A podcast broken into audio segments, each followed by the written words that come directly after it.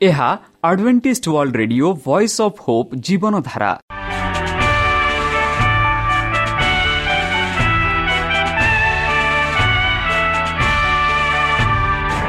Odia radio କାର୍ଯ୍ୟକ୍ରମ ଯାହା ଆମର ଆନ୍ତର୍ଜାତୀୟ ଆଘାତ କେନ୍ଦ୍ରରୁ ପ୍ରସାରଣ କରାଯାଉଛି ପ୍ରତିଦିନ ରାତି ନଅଟା ତିରିଶ ମିନିଟ୍ରେ। ମୁଁ ସୁବ୍ରତ କୁମାର ପତି ପ୍ରେମର ସହ ଆପଣମାନଙ୍କୁ ଏହି କାର୍ଯ୍ୟକ୍ରମକୁ ସ୍ୱାଗତ କରୁଅଛି। ଚାଲନ୍ତୁ ଆଜିର ତିରିଶ ମିନିଟ୍ର କାର୍ଯ୍ୟକ୍ରମ ବିଷୟରେ ଜାଣିନେବା। ପ୍ରଥମେ ରଖିଛୁ ଆଧ୍ୟାତ୍ମିକ ଭକ୍ତିମୟ ଗୀତ। ଏହାପରେ ଶୁଣିବା ସ୍ୱାସ୍ଥ୍ୟ ବିଷୟରେ ଯାହା ଆମର ଦୈନିକ ଜୀବନରେ ଅତ୍ୟନ୍ତ ଜରୁରୀ। ଆଉ ପରିଶେଷରେ ଶୁଣିବା ପରମେଶ୍ୱରଙ୍କ ଭକ୍ତଙ୍କଠାରୁ ଜୀବନଦାୟକ ଈଶ୍ୱରଙ୍କ ବାକ୍ୟ। ପ୍ରିୟ ଶ୍ରୋତା ତାହେଲେ ଚାଲନ୍ତୁ ଶୁଣିବା ଏକ ଆଧ୍ୟାତ୍ମିକ ଭକ୍ତିମୟ ଗୀତ।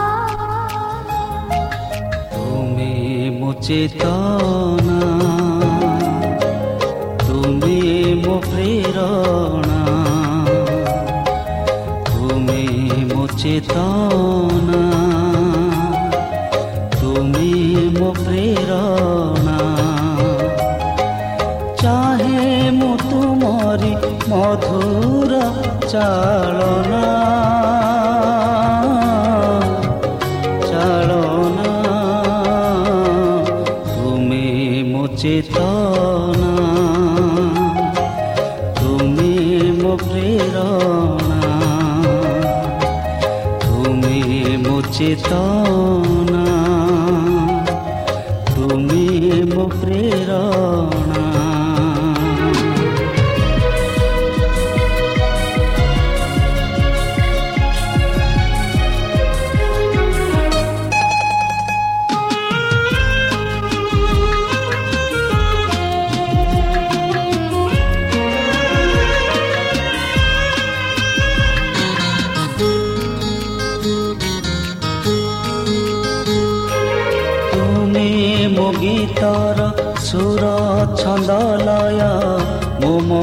ମନ ଦିଗନ୍ତେ ନବ ସୂର୍ଯ୍ୟୋଦୟ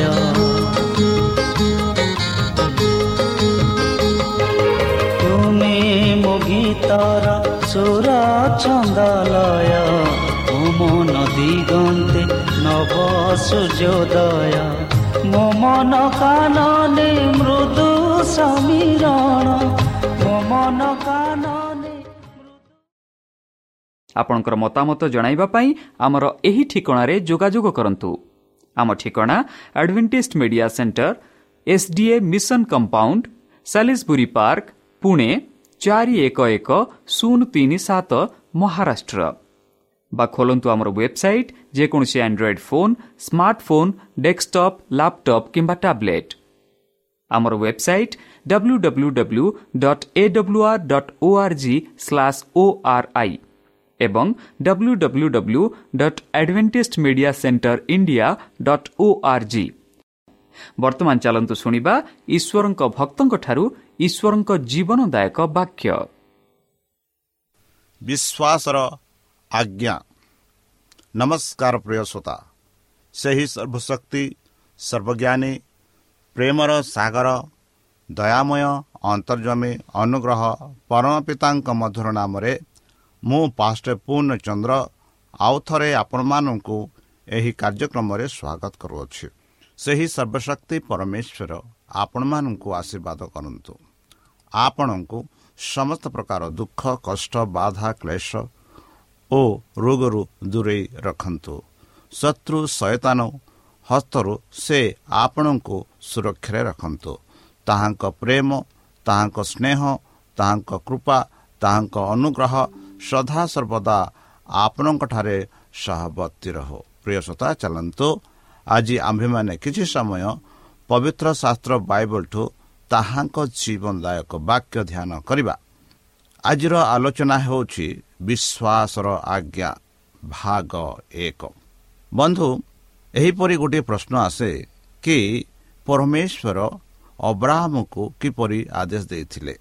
ଆଉ ସେହି ଆଦେଶ ଅବ୍ରାହମ କିପରି ମାନିଲେ? ଯେହେତୁ ଆମେ ବିଶେଷ ଭାବରେ ବିଶ୍ୱାସର ଆଜ୍ଞା ଯାହାକି ଆମେ ବିଶ୍ୱାସରେ ଆଜ୍ଞା ମାନିଥାଉ ତାହା ବିଷୟରେ ଆମେ ଆଲୋଚନା କରିବାକୁ ଯାଉଅଛୁ ପବିତ୍ର ଶାସ୍ତ୍ର ବାଇବଲ କୁହେ ଯେବେ ପରମେଶ୍ୱର ଅବ୍ରାହମଙ୍କୁ ଆହ୍ୱାନ କଲେ ଆଉ କିପରି ତାଙ୍କୁ ଆହ୍ୱାନ କଲେ ଯଦି ଆମେ ପ୍ରଶ୍ନ ପଚାରିବା ତାର ପ୍ରଶ୍ନର ଉତ୍ତର ଆମେ ପାଉଛୁ ଆଦି ବାର ଏକରେ। ଉତ୍ତାରୁ ସଦାପ୍ରଭୁ ଅବ୍ରାହମ କହିଲେ ତୁମ୍ଭେ ଆପନା ଦେଶ ଜାତି କୁଟୁମ୍ବ ଓ ପିତୃକ ଗୃହ ପରିତ୍ୟାଗ କରି ଆମ୍ଭେ ଯେଉଁ ଦେଶ ତୁମକୁ ଦେଖାଇବା ସେହି ଦେଶକୁ ଯାଅ। ବନ୍ଧୁ ସଦାପ୍ରଭୁ ପରମେଶ୍ୱର ଅବ୍ରାହ୍ମଙ୍କୁ କହିଲେ କି ତୁମ୍ଭେ ଆପନା ଦେଶ ଆପନା କୁଟୁମ୍ବ ଓ ଆପନା ପିତୃକ ଗୃହ ପରିତ୍ୟାଗ କରି ଆମ୍ଭେ ଯେଉଁ ଦେଶ ତୁମକୁ ଦେଖାଇବା ସେହି ଦେଶକୁ ଯାଅ। ଏହିପରି ପରମେଶ୍ୱର ଅବ୍ରାହ୍ମଙ୍କୁ କହିଥିଲେ ଆମେ ଦେଖୁଅଛୁ ପରମେଶ୍ୱର ଅବ୍ରାହ୍ମଙ୍କ ଆଦେଶ ଅବ୍ରାହ୍ମଙ୍କ କଥା ବା ଅବ୍ରାହ୍ମଙ୍କ ଯେଉଁ ଆଜ୍ଞା ଆଉ ଅବ୍ରାହ୍ମଙ୍କୁ ଯାହା କହିଥିଲେ ଅବ୍ରାହ୍ମ ସେହି ଆଜ୍ଞା ମାନୁଛନ୍ତି କି ନାହିଁ ଆମେ ଦେଖିବା। ଚାରି ପଦରେ ଆମେ ଦେଖୁଛୁ ଅନନ୍ତର ଅବ୍ରାହ୍ମ ସଦାପ୍ରଭୁଙ୍କ ଏହି ବାକ୍ୟ ଅନୁସାରେ ପ୍ରସ୍ଥାନ କଲେ। ପୁଣି ଲୋଟ ତାଙ୍କ ସଙ୍ଗରେ ଗଲେ। ହାରଣଠାରୁ ପ୍ରସ୍ଥାନ କରି ସମୟରେ ଅବ୍ରାହ୍ମ ବୟସ ପଞ୍ଚସ୍ତରୀ ବର୍ଷ ହୋଇଥିଲା। ବନ୍ଧୁ ଆମେ ଦେଖୁଅଛୁ ପରମେଶ୍ୱର ଯେବେ ଅବ୍ରାହ୍ମଙ୍କୁ ଆହ୍ୱାନ କଲେ ଅବ୍ରାହ୍ମ ପରମେଶ୍ୱରଙ୍କୁ କିଛି ପ୍ରଶ୍ନ ପଚାରିଲେ ନାହିଁ। ଯଦି ଆମେ ଆଜିକାଲି ଆଲୋଚନା କରିବା ଯଦି କହିବା ଯଦି କୌଣସି ବ୍ୟକ୍ତି ଯଦି କାର୍ଯ୍ୟ କ୍ଷେତ୍ରରୁ ଟ୍ରାନ୍ସଫର୍ ହୋଇଯିବେ ବା ଟ୍ରାନ୍ସଫର୍ କରାଯିବ ସେହି ସଂସ୍ଥା ଦ୍ୱାରା ବା ସେହି କମ୍ପାନୀ ଦ୍ୱାରା ସେହି ବ୍ୟକ୍ତି ସେହି କମ୍ପାନୀକୁ ବା ସେହି କ୍ଷେତ୍ର କାର୍ଯ୍ୟକ୍ଷେତ୍ରକୁ ଯିବା ପାଇଁ ସେହି କମ୍ପାନୀକୁ ପ୍ରଶ୍ନ ପଚାରନ୍ତି କି ସେହି ସ୍ଥାନ ଯେଉଁ ସ୍ଥାନକୁ ମୋତେ ଟ୍ରାନ୍ସଫର୍ କରିଛନ୍ତି କ'ଣ ସେହି ସ୍ଥାନ ନା କ'ଣ ସେହି ସ୍ଥାନର ପରିସ୍ଥିତି କେମିତି ସେହି ସ୍ଥାନରେ ଯାହା ଯାହା ଦିନ ଦୈନିକର ଆବଶ୍ୟକତା ପଡ଼ିତ ପଡ଼ିବ ତାହା ମିଳିବ କି ନାହିଁ ଏହିପରି ଅନେକ ପ୍ରଶ୍ନ ପଚାରିଥାନ୍ତି। ଆଉ ଯେବେ ସେମାନଙ୍କ ପ୍ରଶ୍ନର ଉତ୍ତର ପାଆନ୍ତି ଆଉ ଯେବେ ସେମାନେ ସନ୍ତୁଷ୍ଟ ହୁଅନ୍ତି ସେତେବେଳେ ସେମାନେ ସେହି ସ୍ଥାନକୁ ଯିବା ପାଇଁ ମନେ କରିଥାନ୍ତି ବା ନିର୍ଣ୍ଣୟ ନେଇଥାନ୍ତି। ମାତ୍ର ଏଠି ଆମେ ଦେଖୁଅଛୁ ପରମେଶ୍ୱର ଅବ୍ରାହ୍ମକୁ ଡାକିଲେ ଆଉ ଅବ୍ରାହ୍ମକୁ କହିଲେ କି ତୁମେ ତୁମ ଦେଶ ତୁମ ଜାତି ତୁମ କୁଟୁମ୍ବ ଓ ତୁମ ପିତୃକ ଗୃହ ସମସ୍ତ ପରିତ୍ୟାଗ କରି ବାହାରି ଆସ। ଆଉ ତୁମକୁ ମୁଁ ଏକ ଦେଶ ଦେବି। ଆଉ ସେହି ଦେଶକୁ ତୁମେ ଯିବ ବୋଲି ପରମେଶ୍ୱର ଅବ୍ରାହ୍ମକୁ ଆହ୍ୱାନ କରିଥିଲେ। ଆଉ ଅବ୍ରାହ୍ମ ପରମେଶ୍ୱରଙ୍କ ଆହ୍ୱାନ ଶୁଣନ୍ତି। ଆଉ ଯେପରିକି ଚାରି ପଦରେ ଆମେ ଦେଖୁଅଛୁ କି ଅନନ୍ତର ଅବ୍ରାହ୍ମ ସଦାପ୍ରଭୁଙ୍କ ଏହି ବାକ୍ୟ ଅନୁସାରେ ଯାହା ଯାହା ପରମେଶ୍ୱର କହିଥିଲେ ସେହି ବାକ୍ୟ ଅନୁସାରେ ଅବ୍ରାହ୍ମ ପ୍ରସ୍ଥାନ ଆରମ୍ଭ କଲେ ବୋଲି ଚାରି ପଦରେ ଆମେ ଭାବୁଅଛୁ ପୁଣି ତାଙ୍କ ଭଣଜା ଲୋଟ ବି ତାଙ୍କ ସଙ୍ଗରେ ଗଲେ ବୋଲି ଆମେ ଦେଖୁଅଛୁ। ଆଉ କେଉଁଠାରୁ ଗଲେ? ସେମାନେ ହାରଣଠାରୁ ପ୍ରସ୍ଥାନ କରିବା ସମୟରେ ସେହି ସମୟରେ ଅବ୍ରାହ୍ମଙ୍କ ବୟସ ଥିଲା ପଚସ୍ତିରିଶ ବର୍ଷ। ବନ୍ଧୁ କେଡ଼େ ସୁନ୍ଦର ଭାବରେ ଅବ୍ରାହ୍ମ ପରମେଶ୍ୱରଙ୍କ ବାକ୍ୟ ମାନେ। ତାଙ୍କ ବାକ୍ୟ ଅନୁସାରେ ସେ ଜାଣିନାହାନ୍ତି କେଉଁ ସ୍ଥାନକୁ ଯାଉଛନ୍ତି ହେଲେ ହେଁ ସେ ତାଙ୍କ ଯାତ୍ରା ଆରମ୍ଭ କଲେ। ଯଦି ଆମେ ଦେଖିବା ଯେବେ ଅବ୍ରାହ୍ମ ସେହି ଯାତ୍ରା ଆରମ୍ଭ କଲେ ଆଉ ଯେବେ ଅବ୍ରାହ୍ମ ସେହି ବାକ୍ୟ ମାନିଲେ ତାର ପରିଣାମ କ'ଣ? ଯଦି ଆମେ ଦେଖିବା ଏଭ୍ରି ଏଗାର ଆଠ ଆମେ ଦେଖାଉଛୁ ତାର ପରିଣାମ। ଯାହାକି ଅବ୍ରାହ୍ମ ପାଇଲେ ସେହି ପରିଣାମ ହେଉଛି କି ଯେପରି ଇବ୍ରୁ ଏଭ୍ରି ଏଗାର ଆଠରେ ଆମେ ପାଉଅଛୁ ବିଶ୍ୱାସ ଦ୍ୱାରା ଅବ୍ରାହ୍ମ ଆହ୍ୱାନ ପ୍ରାପ୍ତ ହୁଅନ୍ତେ। ବନ୍ଧୁ ଶୁଣନ୍ତୁ ବିଶ୍ୱାସ ଦ୍ୱାରା ଅବ୍ରାହ୍ମ ଆହ୍ୱାନ ପ୍ରାପ୍ତ ହୁଅନ୍ତେ। ଯେଉଁ ଦେଶ ସେ ଅଧିକାର ସ୍ୱରୂପେ ପାଇବାକୁ ଯାଉଥିଲେ ଆଜ୍ଞାବହ ହୋଇ ସେଠାକୁ ବାହାରି ଗଲେ ପୁଣି ସେ କେଉଁଠାକୁ ଯାଉଛନ୍ତି ତାହା ନ ଜାଣି ସୁଦ୍ଧା ବାହାରି ଗଲେ କେଡ଼େ ସୁନ୍ଦର ଭାବରେ ଆମେ ଦେଖୁଅଛୁ। ସେ ଜାଣିନାହାନ୍ତି କେଉଁଠାକୁ ଯାଉଛନ୍ତି। ସେ ଜାଣିନାହାନ୍ତି ସେଇ ଜାଗାରେ କିପରି ପରିସ୍ଥିତି। ସେ ଜାଣିନାହାନ୍ତି ସେଇ ଜାଗାର ଲୋକ କିପରି ଥିବେ। ସେ ଜାଣିନାହାନ୍ତି ସେହି ଜାଗାର ଜମି କିପରି ଥିବ। କିଛି ଜାଣିନାହାନ୍ତି ମାତ୍ର ପରମେଶ୍ୱରଙ୍କ ଆଜ୍ଞା ମାନି ସେହି ଜାଗାକୁ ପ୍ରସ୍ଥାନ କଲେ ବୋଲି ପବିତ୍ର ଶାସ୍ତ୍ର ବାଇବଲ ଆମମାନଙ୍କୁ ସ୍ପଷ୍ଟ ରୂପେ କହୁଅଛି। ବନ୍ଧୁ ଯଦି ଆଜି ଆପଣମାନଙ୍କୁ କେହି ଆସି କହିବେ କି ତୁମର ଘର ତୁମର କୁଟୁମ୍ବ ତୁମର ଜମି ବାଡ଼ ସବୁ ଛାଡ଼ି ତୁମେ ଗୋଟିଏ ଜାଗାକୁ ଯାଅ ଆଉ ଯେଉଁ ଜାଗାର ନାଁ ତୁମେ ଜାଣିନାହଁ ଯେଉଁ ସ୍ଥାନର ନାଁ ଜାଣିନାହଁ କି ସେହି ସ୍ଥାନର ପରିବେଶ ବି ଜାଣିନାହଁ କ'ଣ ଆପଣମାନେ ଯିବା ପାଇଁ ଇଚ୍ଛୁକ ହେବ କି? ନାହିଁ ନା? ମାତ୍ର ଏଠି ଆମେ ଦେଖୁଅଛୁ ଅବ୍ରାହମ ପରମେଶ୍ୱରଙ୍କୁ ଆଦେଶ ଦେଲେ ତୁମେ ଯାଅ। ଆଉ ସେ ବାହାରି ପଡ଼ିଲେ। ତାପରେ ଆମେ ଦେଖୁଛୁ ତାପରେ ଅବ୍ରାହମକୁ କିପରି ପରମେଶ୍ୱର ଆଦେଶ ଦେଲେ? ଯଦି ଆମେ ଦେଖିବା ଆଦି ପୁସ୍ତକ ବାଇଶ ଦୁଇରେ ସେଠି ଆମେ ପାଉଛୁ ସେତେବେଳେ ସେ କହିଲେ ତୁମ୍ଭେ ଏବେ ଆପଣା ପୁତ୍ରକୁ ତୁମ୍ଭର ଆଦୃତ୍ୟ ପୁତ୍ରକୁ ଅର୍ଥାତ୍ ତୁମ୍ଭେ ଯାହାକୁ ସ୍ନେହ କର ସେହି ଇଶାକକୁ ଘେନି ମରିଆ ଦେଶକୁ ଯାଅ। ପୁଣି ଆମ୍ଭେ ସେହି ଦେଶରେ ଯେଉଁ ପର୍ବତ କହିବା ସେହି ପର୍ବତ ଉପରେ ତାହାକୁ ହୋମର୍ତ୍ତ ବଳିଦାନ କରିବ ବୋଲି ପରମେଶ୍ୱର ଆଦେଶ ଦେଲେ ଅବ୍ରାହ୍ମକୁ ମନେ ରଖନ୍ତୁ ପ୍ରଭୁ ଯେବେ ଅବ୍ରାହ୍ମ ସେହି ଉଜ୍ ଦେଶରୁ ଯାତ୍ରା ଆରମ୍ଭ କଲେ ଆଉ ଯେଉଁ ସ୍ଥାନରେ ସେ ଯାଇ ରହିଲେ ସେହି ସମୟ ପର୍ଯ୍ୟନ୍ତ ଅବ୍ରାହ୍ମଙ୍କ କିଛି ପୁତ୍ର ନଥିଲା। ଆଉ ସେହି ସମୟରେ ଅବ୍ରାହ୍ମ ପ୍ରାୟ ଶହେ ବର୍ଷ ବୟସ ଥିଲେ। ଆଉ ସେହି ଶହେ ବର୍ଷ ସମୟରେ ପରମେଶ୍ୱର ଅବ୍ରାହ୍ମକୁ ଏକ ପୁତ୍ର ଦାନ କଲେ ଯାହାଙ୍କର ନାମ ଇଶାକ ଥିଲା।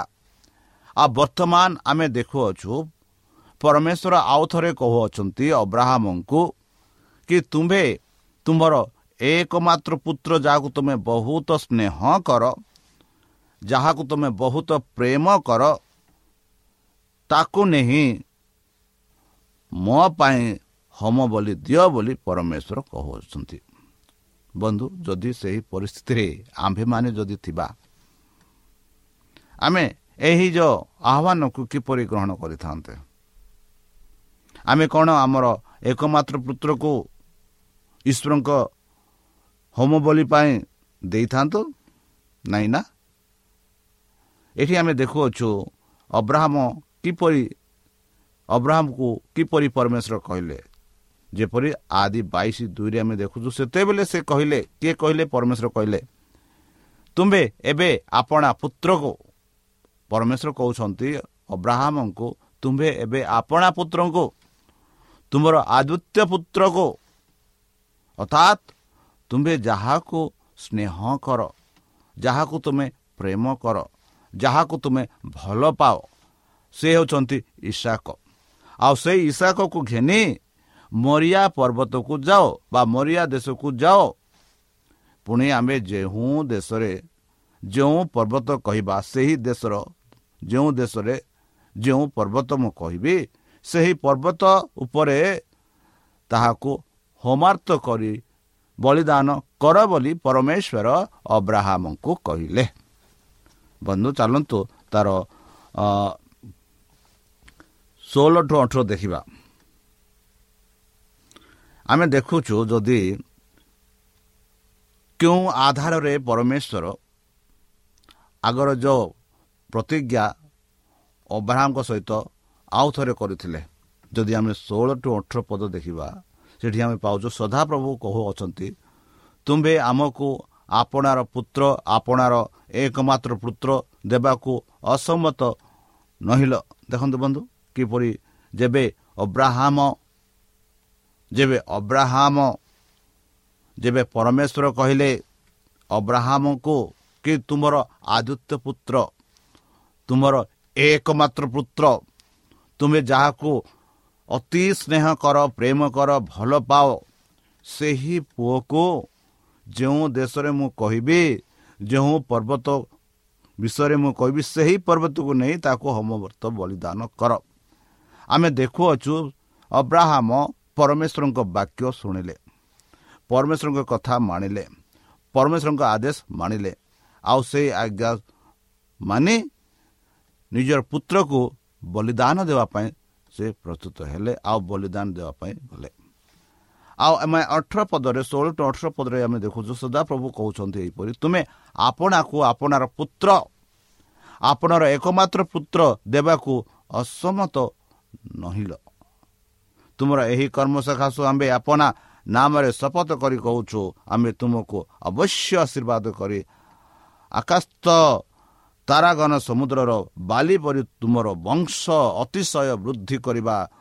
ତୁମର ବଂଶ ଶତ୍ରୁଘ୍ନର ନଗର ଦ୍ୱାର ଅଧିକାର କରିବେ। ପୁଣି ପୃଥିବୀସ୍ଥ ସମସ୍ତ ଜାତି ତୁମର ବଂଶ ଦ୍ୱାରା ଆଶୀର୍ବାଦ ପ୍ରାପ୍ତ ହେବେ।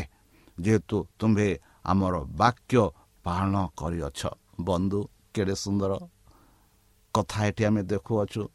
ପରମେଶ୍ୱର ଅବ୍ରାହ୍ମଙ୍କୁ କହିଲେ ଅବ୍ରାହ୍ମ ତୁମେ ମୋର ବାକ୍ୟ ମାଣିଲ ତୁମେ ମୋର ଆଜ୍ଞା ମାଣିଲ ତୁମର ଏକମାତ୍ର ପୁତ୍ରକୁ ତୁମେ ରଖିଲ ନାହିଁ ମାତ୍ର ବଳିଦାନ ଦେବା ପାଇଁ ପ୍ରସ୍ତୁତ ହେଲ।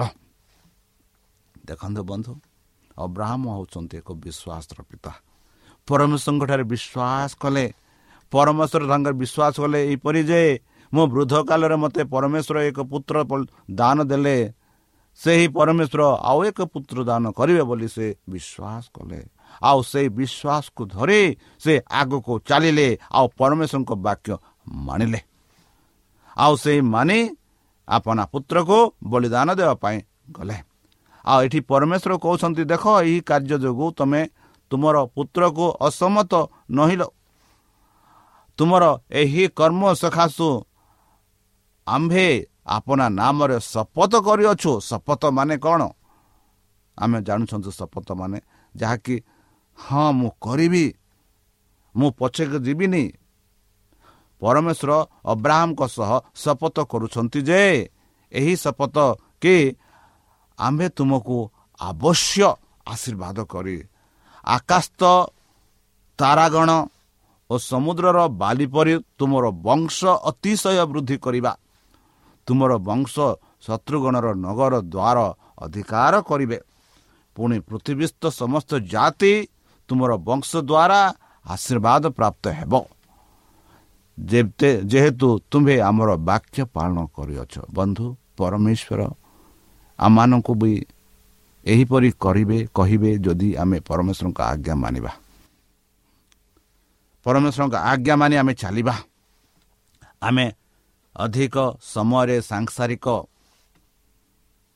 ଆକର୍ଷଣରେ ନିଜକୁ ଚାଲି ନିଜକୁ ଚଲାଇଥାଉ। ପରମେଶ୍ୱରଙ୍କ ଆଜ୍ଞାକୁ ଆମେ ମାନି ନଥାଉ। ଏଠି ଆମେ ଦେଖୁଅଛୁ ଅବ୍ରାହମ ପରମେଶ୍ୱରଙ୍କ ବାକ୍ୟ ମାନିଲେ ପରମେଶ୍ୱରଙ୍କ ଆଜ୍ଞା ମାନିଲେ। ଆଉ ପରମେଶ୍ୱର କହନ୍ତି ଅବଶ୍ୟ ତୁମ ତୁମକୁ ମୁଁ ଆଶୀର୍ବାଦ କରିବି। ଆଉ ଯେବେ ତୁମେ ଆଶୀର୍ବାଦ ପ୍ରାପ୍ତ ହେବ ଆକାଶ ତାରାଗଣ ଓ ସମୁଦ୍ରର ବାଳି ପରି ତୁମର ବଂଶ ଅତିଶୟ ବୃଦ୍ଧି କରିବ। ଦେଖନ୍ତୁ ବନ୍ଧୁ ପରମେଶ୍ୱର କହନ୍ତି କି ତୁମର ବଂଶ ଆମେ ଦେଖୁଅଛୁ ଅବ୍ରାହମ ଯେବେ ସେହି ଉଦ୍ ଦେଶରୁ ଉର୍ ଦେଶରୁ ଯାତ୍ରା ଆରମ୍ଭ କଲେ ସେତେବେଳେ ତାଙ୍କର ପୁତ୍ର ନଥିଲେ। ଆଉ ଯେବେ ସେ ପରମେଶ୍ୱରଙ୍କ ଦ୍ୱାରା ପୁତ୍ର ପାଇଲେ ସେହି ପୁତ୍ରକୁ ମଧ୍ୟ ବଳିଦାନ ଦେବା ପାଇଁ ସେ ପ୍ରସ୍ତୁତ ଥିଲେ। ଆଉ ବର୍ତ୍ତମାନ ପରମେଶ୍ୱର କହୁଛନ୍ତି କି ତୁମର ବଂଶ ଏମିତି ବୃଦ୍ଧି ହେବେ କି ଆକାଶର ତାରା ସମୁଦ୍ରର ବାଳି ବି ସେମାନଙ୍କ ସଂଖ୍ୟାଠୁ ଅଧିକ ଥିବ ବୋଲି ପରମେଶ୍ୱର କହିଲେ। ତୁମର ବଂଶ ଶତ୍ରୁଘ୍ନର ନଗର ଦ୍ୱାର ଅଧିକାର କରିବେ। ଦେଖନ୍ତୁ ବନ୍ଧୁ ଆଉ ତାହା ହିଁ ନୁହେଁ ପୃଥିବୀସ୍ଥ ସମସ୍ତ ଜାତି ତୁମର ବଂଶ ଦ୍ୱାରା ଆଶୀର୍ବାଦ ପ୍ରାପ୍ତ ହେବ। ଯେହେତୁ ତୁମ୍ଭେ ଆମର ବାକ୍ୟ ପାଳନ କରିଅଛ ବନ୍ଧୁ। ଯେବେ ଆମ୍ଭେ ପରମେଶ୍ୱରଙ୍କ ବାକ୍ୟ ମାନିବା ପାଳନ କରିବା ପରମେଶ୍ୱର ଆମମାନଙ୍କୁ ସେହିପରି ଆଶୀର୍ବାଦ କରିବେ। ଯାହାଦ୍ୱାରା କି ଆମ ଆଶୀର୍ବାଦ ଆମ ଦ୍ୱାରା ଅନ୍ୟମାନେ ବି ଆଶୀର୍ବାଦ ପ୍ରାପ୍ତ ହୋଇପାରିବେ। ବର୍ତ୍ତମାନ ସମୟରେ ଯାହା ଆମେ ଦେଖାଉଛୁ ଆମ ଚାରିପଟେ ବନ୍ଧୁ ଦୁଃଖ କଷ୍ଟ ବାଧା ତାଡ଼ନାରେ ଘେରି ରହିଅଛି। ଯଦି ସେମାନଙ୍କଠାରେ ଯଦି ସେମାନଙ୍କ ପାଇଁ ଯଦି ଆମେ ଏକ ଆଶୀର୍ବାଦ ରୂପେ ହେବା ତାହାଠୁ ଆଉ ଉତ୍ତମ କିଛି ନୁହେଁ। ତାହେଲେ ଅବ୍ରାହ୍ମକୁ ଏହିସବୁ କରିବା ପାଇଁ କ'ଣ ସାହାଯ୍ୟ କରିଥିଲା? ଅବ୍ରାହ୍ମ ଏହିପରି ସବୁ କଲେ କି ଆପଣା ଦେଶ ଜାତି କୁଟୁମ୍ବ ଗୃହ ଛାଡ଼ି ଏକ ଭିନ୍ନ ଦେଶକୁ ଗଲେ। ଅବ୍ରାହ୍ମ ପରମେଶ୍ୱରଙ୍କ ଆଜ୍ଞା ମାନି ଆପଣା ପୁତ୍ରକୁ ବଳିଦାନ ଦେବା ପାଇଁ ପ୍ରସ୍ତୁତ ହେଲେ। ତାହେଲେ ଅବ୍ରାହ୍ମକୁ ଏହିପରି କରିବା ପାଇଁ କ'ଣ ସାହାଯ୍ୟ କଲା? ଯଦି ଆମେ ଏଭ୍ରି ଏଗାର ସତର ଯଦି ପଢ଼ିବା ବିଶ୍ୱାସ ଦ୍ୱାରା ଅବ୍ରାହ୍ମ ପରୀକ୍ଷିତ ହୋଇ ଇଶାକଙ୍କୁ ଉତ୍ସର୍ଗ କଲେ। ହଁ ଯେଉଁ ବ୍ୟକ୍ତି ପ୍ରତିଜ୍ଞା ସମୂହ ପ୍ରାପ୍ତ ହୋଇଥିଲେ ଯାହାକୁ କୁହାଯାଉଥିଲା ଯେ ବନ୍ଧୁ ବିଶ୍ୱାସ। ବିଶ୍ୱାସ ଦ୍ୱାରା ଅବ୍ରାହ୍ମ କଲେ। ଆମମାନେ ମଧ୍ୟ ବର୍ତ୍ତମାନ ସେହି ଯୀଶୁଖ୍ରୀଷ୍ଟଙ୍କ ନାମରେ ବିଶ୍ୱାସ କରିବାକୁ ଅଛି। ଯୀଶୁ କହନ୍ତି ମୋ ଠାରେ ତୁମେ ବିଶ୍ୱାସ କର। ମୋ ନାମରେ ଯାହା ଯାହା ତୁମେ ମାଗ ମୋ ପରମ ପିତା ତୁମମାନଙ୍କୁ ଦେବ। ଆମେ ସେହି ବିଶ୍ୱାସରେ ପରମେଶ୍ୱରଙ୍କ ଠାରେ ବିଶ୍ୱାସ ରଖିବାର ଅଛି। ଅବ୍ରାହ୍ମ ପରମେଶ୍ୱରଙ୍କ ଠାରେ ବିଶ୍ୱାସ କଲେ। ଆଉ ସେ ବିଶ୍ୱାସ ଅନୁସାରେ ସେ ଚାଲିଥିଲେ। ଆଉ ସେ ବିଶ୍ୱାସର ପରିଣାମ ସେ ପାଇଲେ। ଯେପରି ଆର ପଦରେ ଆମେ ଦେଖିଲୁ ସେହି ବିଶ୍ୱାସ ଦ୍ୱାରା ଅବ୍ରାହ୍ମକୁ ଏହିପରି ପ୍ରତିଜ୍ଞା କରାଗଲା କି ତାଙ୍କ ବଂଶ ଦ୍ୱାରା ସାରା ପୃଥିବୀସ୍ଥ ଆଶୀର୍ବାଦ ପ୍ରାପ୍ତ ହେବେ ବୋଲି। ବନ୍ଧୁ ଅବ୍ରାହ୍ମଙ୍କ ବଂଶ ଦ୍ୱାରା ସାରା ପୃଥିବୀ ଆଶୀର୍ବାଦ ପ୍ରାପ୍ତ ହୋଇଛନ୍ତି। ଆଉ ଅବ୍ରାହ୍ମ କାହା ଦ୍ୱାରା କଲେ? ଯେହେତୁ ସେ ବିଶ୍ୱାସ କଲେ ସେହି ପରମେଶ୍ୱରଙ୍କଠାରେ କି ପରମେଶ୍ୱର ଏକ ତାଙ୍କ ବାକ୍ୟ ଯେ ଯାହା କହନ୍ତି ସେ କେବେ ହେଲେ ସେ ବାକ୍ୟରୁ ପଛେଇ ହୁଅନ୍ତି ନାହିଁ। ଏହିପରି ସେ ବିଶ୍ୱାସ କଲେ। ଏଥି କାରଣରୁ ଅବ୍ରାହ୍ମ ବିଶ୍ୱାସ କଲେ। ଏଥିଯୋଗୁଁ ସାଧୁ ପାଲ ଲେଖନ୍ତି ଏଭ୍ରି ଏଗାର ସତରରେ ବିଶ୍ୱାସ ଦ୍ୱାରା ଅବ୍ରାହ୍ମ ପରୀକ୍ଷିତ ହୋଇ ଇଶାକଙ୍କୁ ଉତ୍ସର୍ଗ କଲେ। ଯେଉଁ ପରୀକ୍ଷା ଅବ୍ରାହ୍ମକୁ ଦିଆଯାଇଥିଲା ପରମେଶ୍ୱରଙ୍କ ଠାରୁ କି ତୁମର ଏକମାତ୍ର ପୁତ୍ର ଯାହାକୁ ତୁମେ ବହୁତ ସ୍ନେହ କର ପ୍ରେମ କର ଭଲ ପାଅ ତାକୁ ତୁମେ ନେଇ ଯେଉଁ ଦେଶକୁ ଯେଉଁ ପର୍ବତକୁ ମୁଁ କହିବି ସେହି ପର୍ବତକୁ ନେଇ ତାକୁ ହୋମ ବୋଲି ଦିଅ ବୋଲି ପରମେଶ୍ୱର କହିଥିଲେ। ସେହି ପରୀକ୍ଷାକୁ ପରମେଶ୍ୱରଙ୍କ ପରୀକ୍ଷାରକୁ ତା ସେ ପରୀକ୍ଷାର ପରୀକ୍ଷିତ ହୋଇ ସେ ଇଚ୍ଛାକକୁ ଉତ୍ସର୍ଗ କଲେ। ହଁ ଯେଉଁ ବ୍ୟକ୍ତି ପ୍ରତିଜ୍ଞା ସମୂହ ପ୍ରାପ୍ତ ସେହି ବ୍ୟକ୍ତି ଯେ କି ପ୍ରତିଜ୍ଞା ସମୂହ ପ୍ରାପ୍ତ ଥିଲା ସେହି ବ୍ୟକ୍ତିକୁ ମଧ୍ୟ ବଳିଦାନ ଦେବା ପାଇଁ ସେ ପ୍ରସ୍ତୁତ ଥିଲେ। କାହିଁକି? ସେ ଈଶ୍ୱରଙ୍କ ଠାରେ ବିଶ୍ୱାସ କରିଥିଲେ ବନ୍ଧୁ। ଈଶ୍ୱରଙ୍କ ଠାରେ ବିଶ୍ୱାସ କରିଥିଲେ ତାହେଲେ ଆମେ ଦେଖୁଅଛୁ ଜାକୁବ ଦୁଇ ଏକୋଇଶରେ ଏହିପରି ପ୍ରଶ୍ନ ଉଠେ କି କି ପ୍ରକାର କାର୍ଯ୍ୟ କି ଆମେ ଅବ୍ରାହ୍ମଙ୍କର ଏକ ଉଦାହରଣ ଦେଖୁଅଛୁ। ଆମେ ଯଦି ଦେଖିବା ଜକୁବ ଦୁଇ ଏକୋଇଶରେ ଆମମାନଙ୍କ ପିତା ଅବ୍ରାହ୍ମ ଦେବୀ ଉପରେ ଆପଣା ପୁତ୍ର ହିସାବଙ୍କୁ ଉତ୍ସର୍ଗ କରିବା ବେଳେ କ'ଣ କର୍ମ ଦ୍ୱାରା ଧାର୍ମିକ ଗଣିତ ହୋଇନଥିଲେ? ବନ୍ଧୁ ଆମେ ଦେଖୁଅଛୁ କି ଯେଉଁ ବାକ୍ୟ ପରମେଶ୍ୱରଙ୍କୁ ବାକ୍ୟ ମାନିଲେ ସେ ମାନିବା ଦ୍ୱାରା ହିଁ ସେ ପରମେଶ୍ୱରଙ୍କ ଠାରେ ଧାର୍ମିକ ଗଣନା କରାଗଲା। ପରମେଶ୍ୱର ତାଙ୍କୁ ଧାର୍ମିକ ରୂପେ ଗଣନା କଲେ ଯେହେତୁ ଈଶ୍ୱରଙ୍କ ବାକ୍ୟ ମାନିଲେ। ଈଶ୍ୱରଙ୍କ କଥା ମାନିଲେ। ଆଉ ସେ କଥା ମାନି ଆପଣା ଏକମାତ୍ର ପୁତ୍ରଙ୍କୁ ଉତ୍ସର୍ଗ କରିବା ପାଇଁ ପ୍ରସ୍ତୁତ ଥିଲେ। ଆମେ ଦେଖୁଅଛୁ କି କ'ଣ ତାଙ୍କ କାର୍ଯ୍ୟ ଦ୍ୱାରା ବା ବାକ୍ୟ ଦ୍ୱାରା ବିଶେଷ ଭାବରେ କେଉଁ କର୍ମ ଦ୍ୱାରା ଆମେ ଧାର୍ମିକ ଗଣନା କରାଯାଉ? ଯଦି ଆମେ ବାଇଶ ପଦରେ ଦେଖିବା ତୁମେ ଦେଖୁଅଛ ଯେ ବିଶ୍ୱାସ ତାଙ୍କ କର୍ମର ସହକାରୀ ଥିଲା ଆଉ କର୍ମ ଦ୍ୱାରା ବିଶ୍ୱାସ ସିଦ୍ଧ ହେଲା ବନ୍ଧୁ। ଆମେ ବେଲେ ବେଲେ କର୍ମକୁ କାର୍ଯ୍ୟକୁ ନିର୍ଭର କରିଥାଉ। ମାତ୍ର ଆମେ ଦେଖୁଅଛୁ ସେ ବିଶ୍ୱାସ ଦ୍ୱାରା ପରମେଶ୍ୱରଙ୍କଠାରେ ବିଶ୍ୱାସ କଲେ ଆଉ ସେ ବିଶ୍ୱାସର କର୍ମର ସହକାରୀ ଥିଲା ଆଉ ସେ କର୍ମ ଦ୍ୱାରା ବିଶ୍ୱାସ ତାଙ୍କୁ ସିଦ୍ଧ ହେଲା। ଆଉ ତାହା ଦ୍ୱାରା ଆମେ ଦେଖୁଅଛୁ କି ଅବ୍ରାହମ ପରମେଶ୍ୱରଙ୍କ ସମ୍ମୁଖରେ ଏକ ଧାର୍ମିକ ଗଣନା କଲେ ଯେହେତୁ ପରମେଶ୍ୱରଙ୍କଠାରେ ସେ ବିଶ୍ୱାସ କଲେ। ହେଲେ ଏକ ପ୍ରକୃତ ବିଶ୍ୱାସ କ'ଣ? ଏକ ପ୍ରକୃତ ବିଶ୍ୱାସ କ'ଣ? ପ୍ରକୃତ ବିଶ୍ୱାସ ଦେଖୁଅଛୁ ପ୍ରଥମ କରନ୍ତି କ୍ଷମା କରନ୍ତୁ ଗଲତୀୟ ପାଞ୍ଚ ଛଅରେ ଯେଣୁ ଖ୍ରୀଷ୍ଟ ଯୀଶୁଙ୍କ ସହଭାଗିତ ସୁନ୍ନତ କି ଅନୁସୁନ୍ନତ କିଛି ନୁହେଁ କିନ୍ତୁ ପ୍ରେମର କାର୍ଯ୍ୟସାଧକ ବିଶ୍ୱାସ ହିଁ ସାରା। ମାନେ ଯେବେ ଆମେ ପ୍ରେମ ପ୍ରେମ କରୁ ସେହି ପ୍ରେମ ହିଁ ଏକ କାର୍ଯ୍ୟ ସାଧକ ଯାହାକି ବିଶ୍ୱାସ ଦ୍ୱାରା ଆମେ କରିଥାଉ ତାହେଲେ ପ୍ରିୟସତା ଚାଲନ୍ତୁ ଅବ୍ରାହମ ଯେପରି ପରମେଶ୍ୱରଙ୍କଠାରେ ବିଶ୍ୱାସ କରୁଥିଲେ ଆଉ ସେ ବିଶ୍ୱାସ ଦ୍ୱାରା ପରମେଶ୍ୱରଙ୍କ ଆଜ୍ଞା ମାନି ସେ ଆଗକୁ ବଢ଼ିଥିଲେ ଆଉ ପରମେଶ୍ୱର ତାଙ୍କୁ ଆଶୀର୍ବାଦ କଲେ ଯଦି ଆମେ ସେହି ପରମେଶ୍ୱରଙ୍କଠାରେ ବିଶ୍ୱାସ କରିବା ତାଙ୍କ ଆଜ୍ଞା ମାନି ଚାଲିବା ନିଶ୍ଚିତ ରୂପେ ପରମେଶ୍ୱର ମାନଙ୍କୁ ଆଶୀର୍ବାଦ କରିବେ। କ'ଣ ସେହି ପରମେଶ୍ୱରଙ୍କୁ ଆପଣ ବିଶ୍ୱାସ କରୁଛନ୍ତି କି? ତାହେଲେ ଚାଲନ୍ତୁ ନିଜକୁ ସମର୍ପଣ କରି ତାହାଙ୍କ ମଧୁର ନାମରେ ଆମେ ପ୍ରାର୍ଥନା ଉତ୍ସର୍ଗ କରିବା। ହେ ଆମ୍ଭମାନଙ୍କ ସର୍ବଶକ୍ତି ସର୍ବଜ୍ଞାନୀ ପ୍ରେମର ସାଗର ଦୟାମୟ ଅନ୍ତର୍ଜମୀ ଅନୁଗ୍ରହ ପରମ ପିତା। ଧନ୍ୟବାଦ ଅର୍ପଣ କରୁଛୁ ପ୍ରଭୁ ବର୍ତ୍ତମାନ ଯେଉଁ ବାକ୍ୟ ତୁମ ଭକ୍ତମାନଙ୍କୁ ଶୁଣାଇଲେ ସେହି ବାକ୍ୟ ଅନୁସାରେ ଏମାନଙ୍କୁ ଚାଲିବା ପାଇଁ ବୁଦ୍ଧିରେ ଜ୍ଞାନରେ ଶକ୍ତିରେ ପରିପୂର୍ଣ୍ଣ କର। ଆମ ପାପ ସବୁ ତୁମ ସେହି ବହୁମୂଲ୍ୟ ରକ୍ତରେ ପରିଷ୍କାର ରୂପେ ଧୋଇଦିଅ। ଆଉ ପରିଶେଷ ଯେବେ ତୁମ୍ଭେ ତୁମ ସେହି ସାହସ୍ରଦୂତଙ୍କ ସହ ଆସିବେ ସେତେବେଳେ ଆମମାନଙ୍କୁ ଏକ ବାସସ୍ଥାନ ଦିଅ ବୋଲି ତ୍ରାଣକର୍ତ୍ତା ପ୍ରଭୁ ଯୀଶୁଙ୍କ ମଧୁରମୟ ନାମରେ ଏହି ଛୋଟ ବିକ୍ଷମା ଅଛି ତୁମେ ଗ୍ରହଣ କର। ଆମେ ପ୍ରିୟ ଶ୍ରୋତା ଆମେ ଆଶା କରୁଛୁ ଯେ ଆମର କାର୍ଯ୍ୟକ୍ରମ ଆପଣମାନଙ୍କୁ ପସନ୍ଦ ଲାଗୁଥିବ। ଆପଣଙ୍କର ମତାମତ ଜଣାଇବା ପାଇଁ ଆମର ଏହି ଠିକଣାରେ ଯୋଗାଯୋଗ କରନ୍ତୁ। ଆମ ଠିକଣା Adventist media centre SDA mission compound Salisbury park Pune ଚାରି ଏକ ଏକ ଶୂନ ତିନି ସାତ ମହାରାଷ୍ଟ୍ର। ବା ଖୋଲନ୍ତୁ ଆମର ୱେବସାଇଟ୍ ଯେକୌଣସି android phone smartphone desktop laptop କିମ୍ବା ଟ୍ୟାବ୍ଲେଟ୍ ଆମର website W W W dot A W R dot O R G slash O R I ଏବଂ W W W dot advantage media centre India dot O R G advantage media centre ଇଣ୍ଡିଆର spelling ହେଉଛି A D V E N T I S T M E D I A C E N T R E I N D I A ଅଥବା download କରନ୍ତୁ ଆମର mobile app ଆପଣଙ୍କର mobile play ଷ୍ଟୋରକୁ ଯାଆନ୍ତୁ ଆଉ type କରନ୍ତୁ the voice of hope ଆଉ download କରନ୍ତୁ। ଈଶ୍ୱର ଆପଣଙ୍କୁ ଆଶୀର୍ବାଦ କରନ୍ତୁ।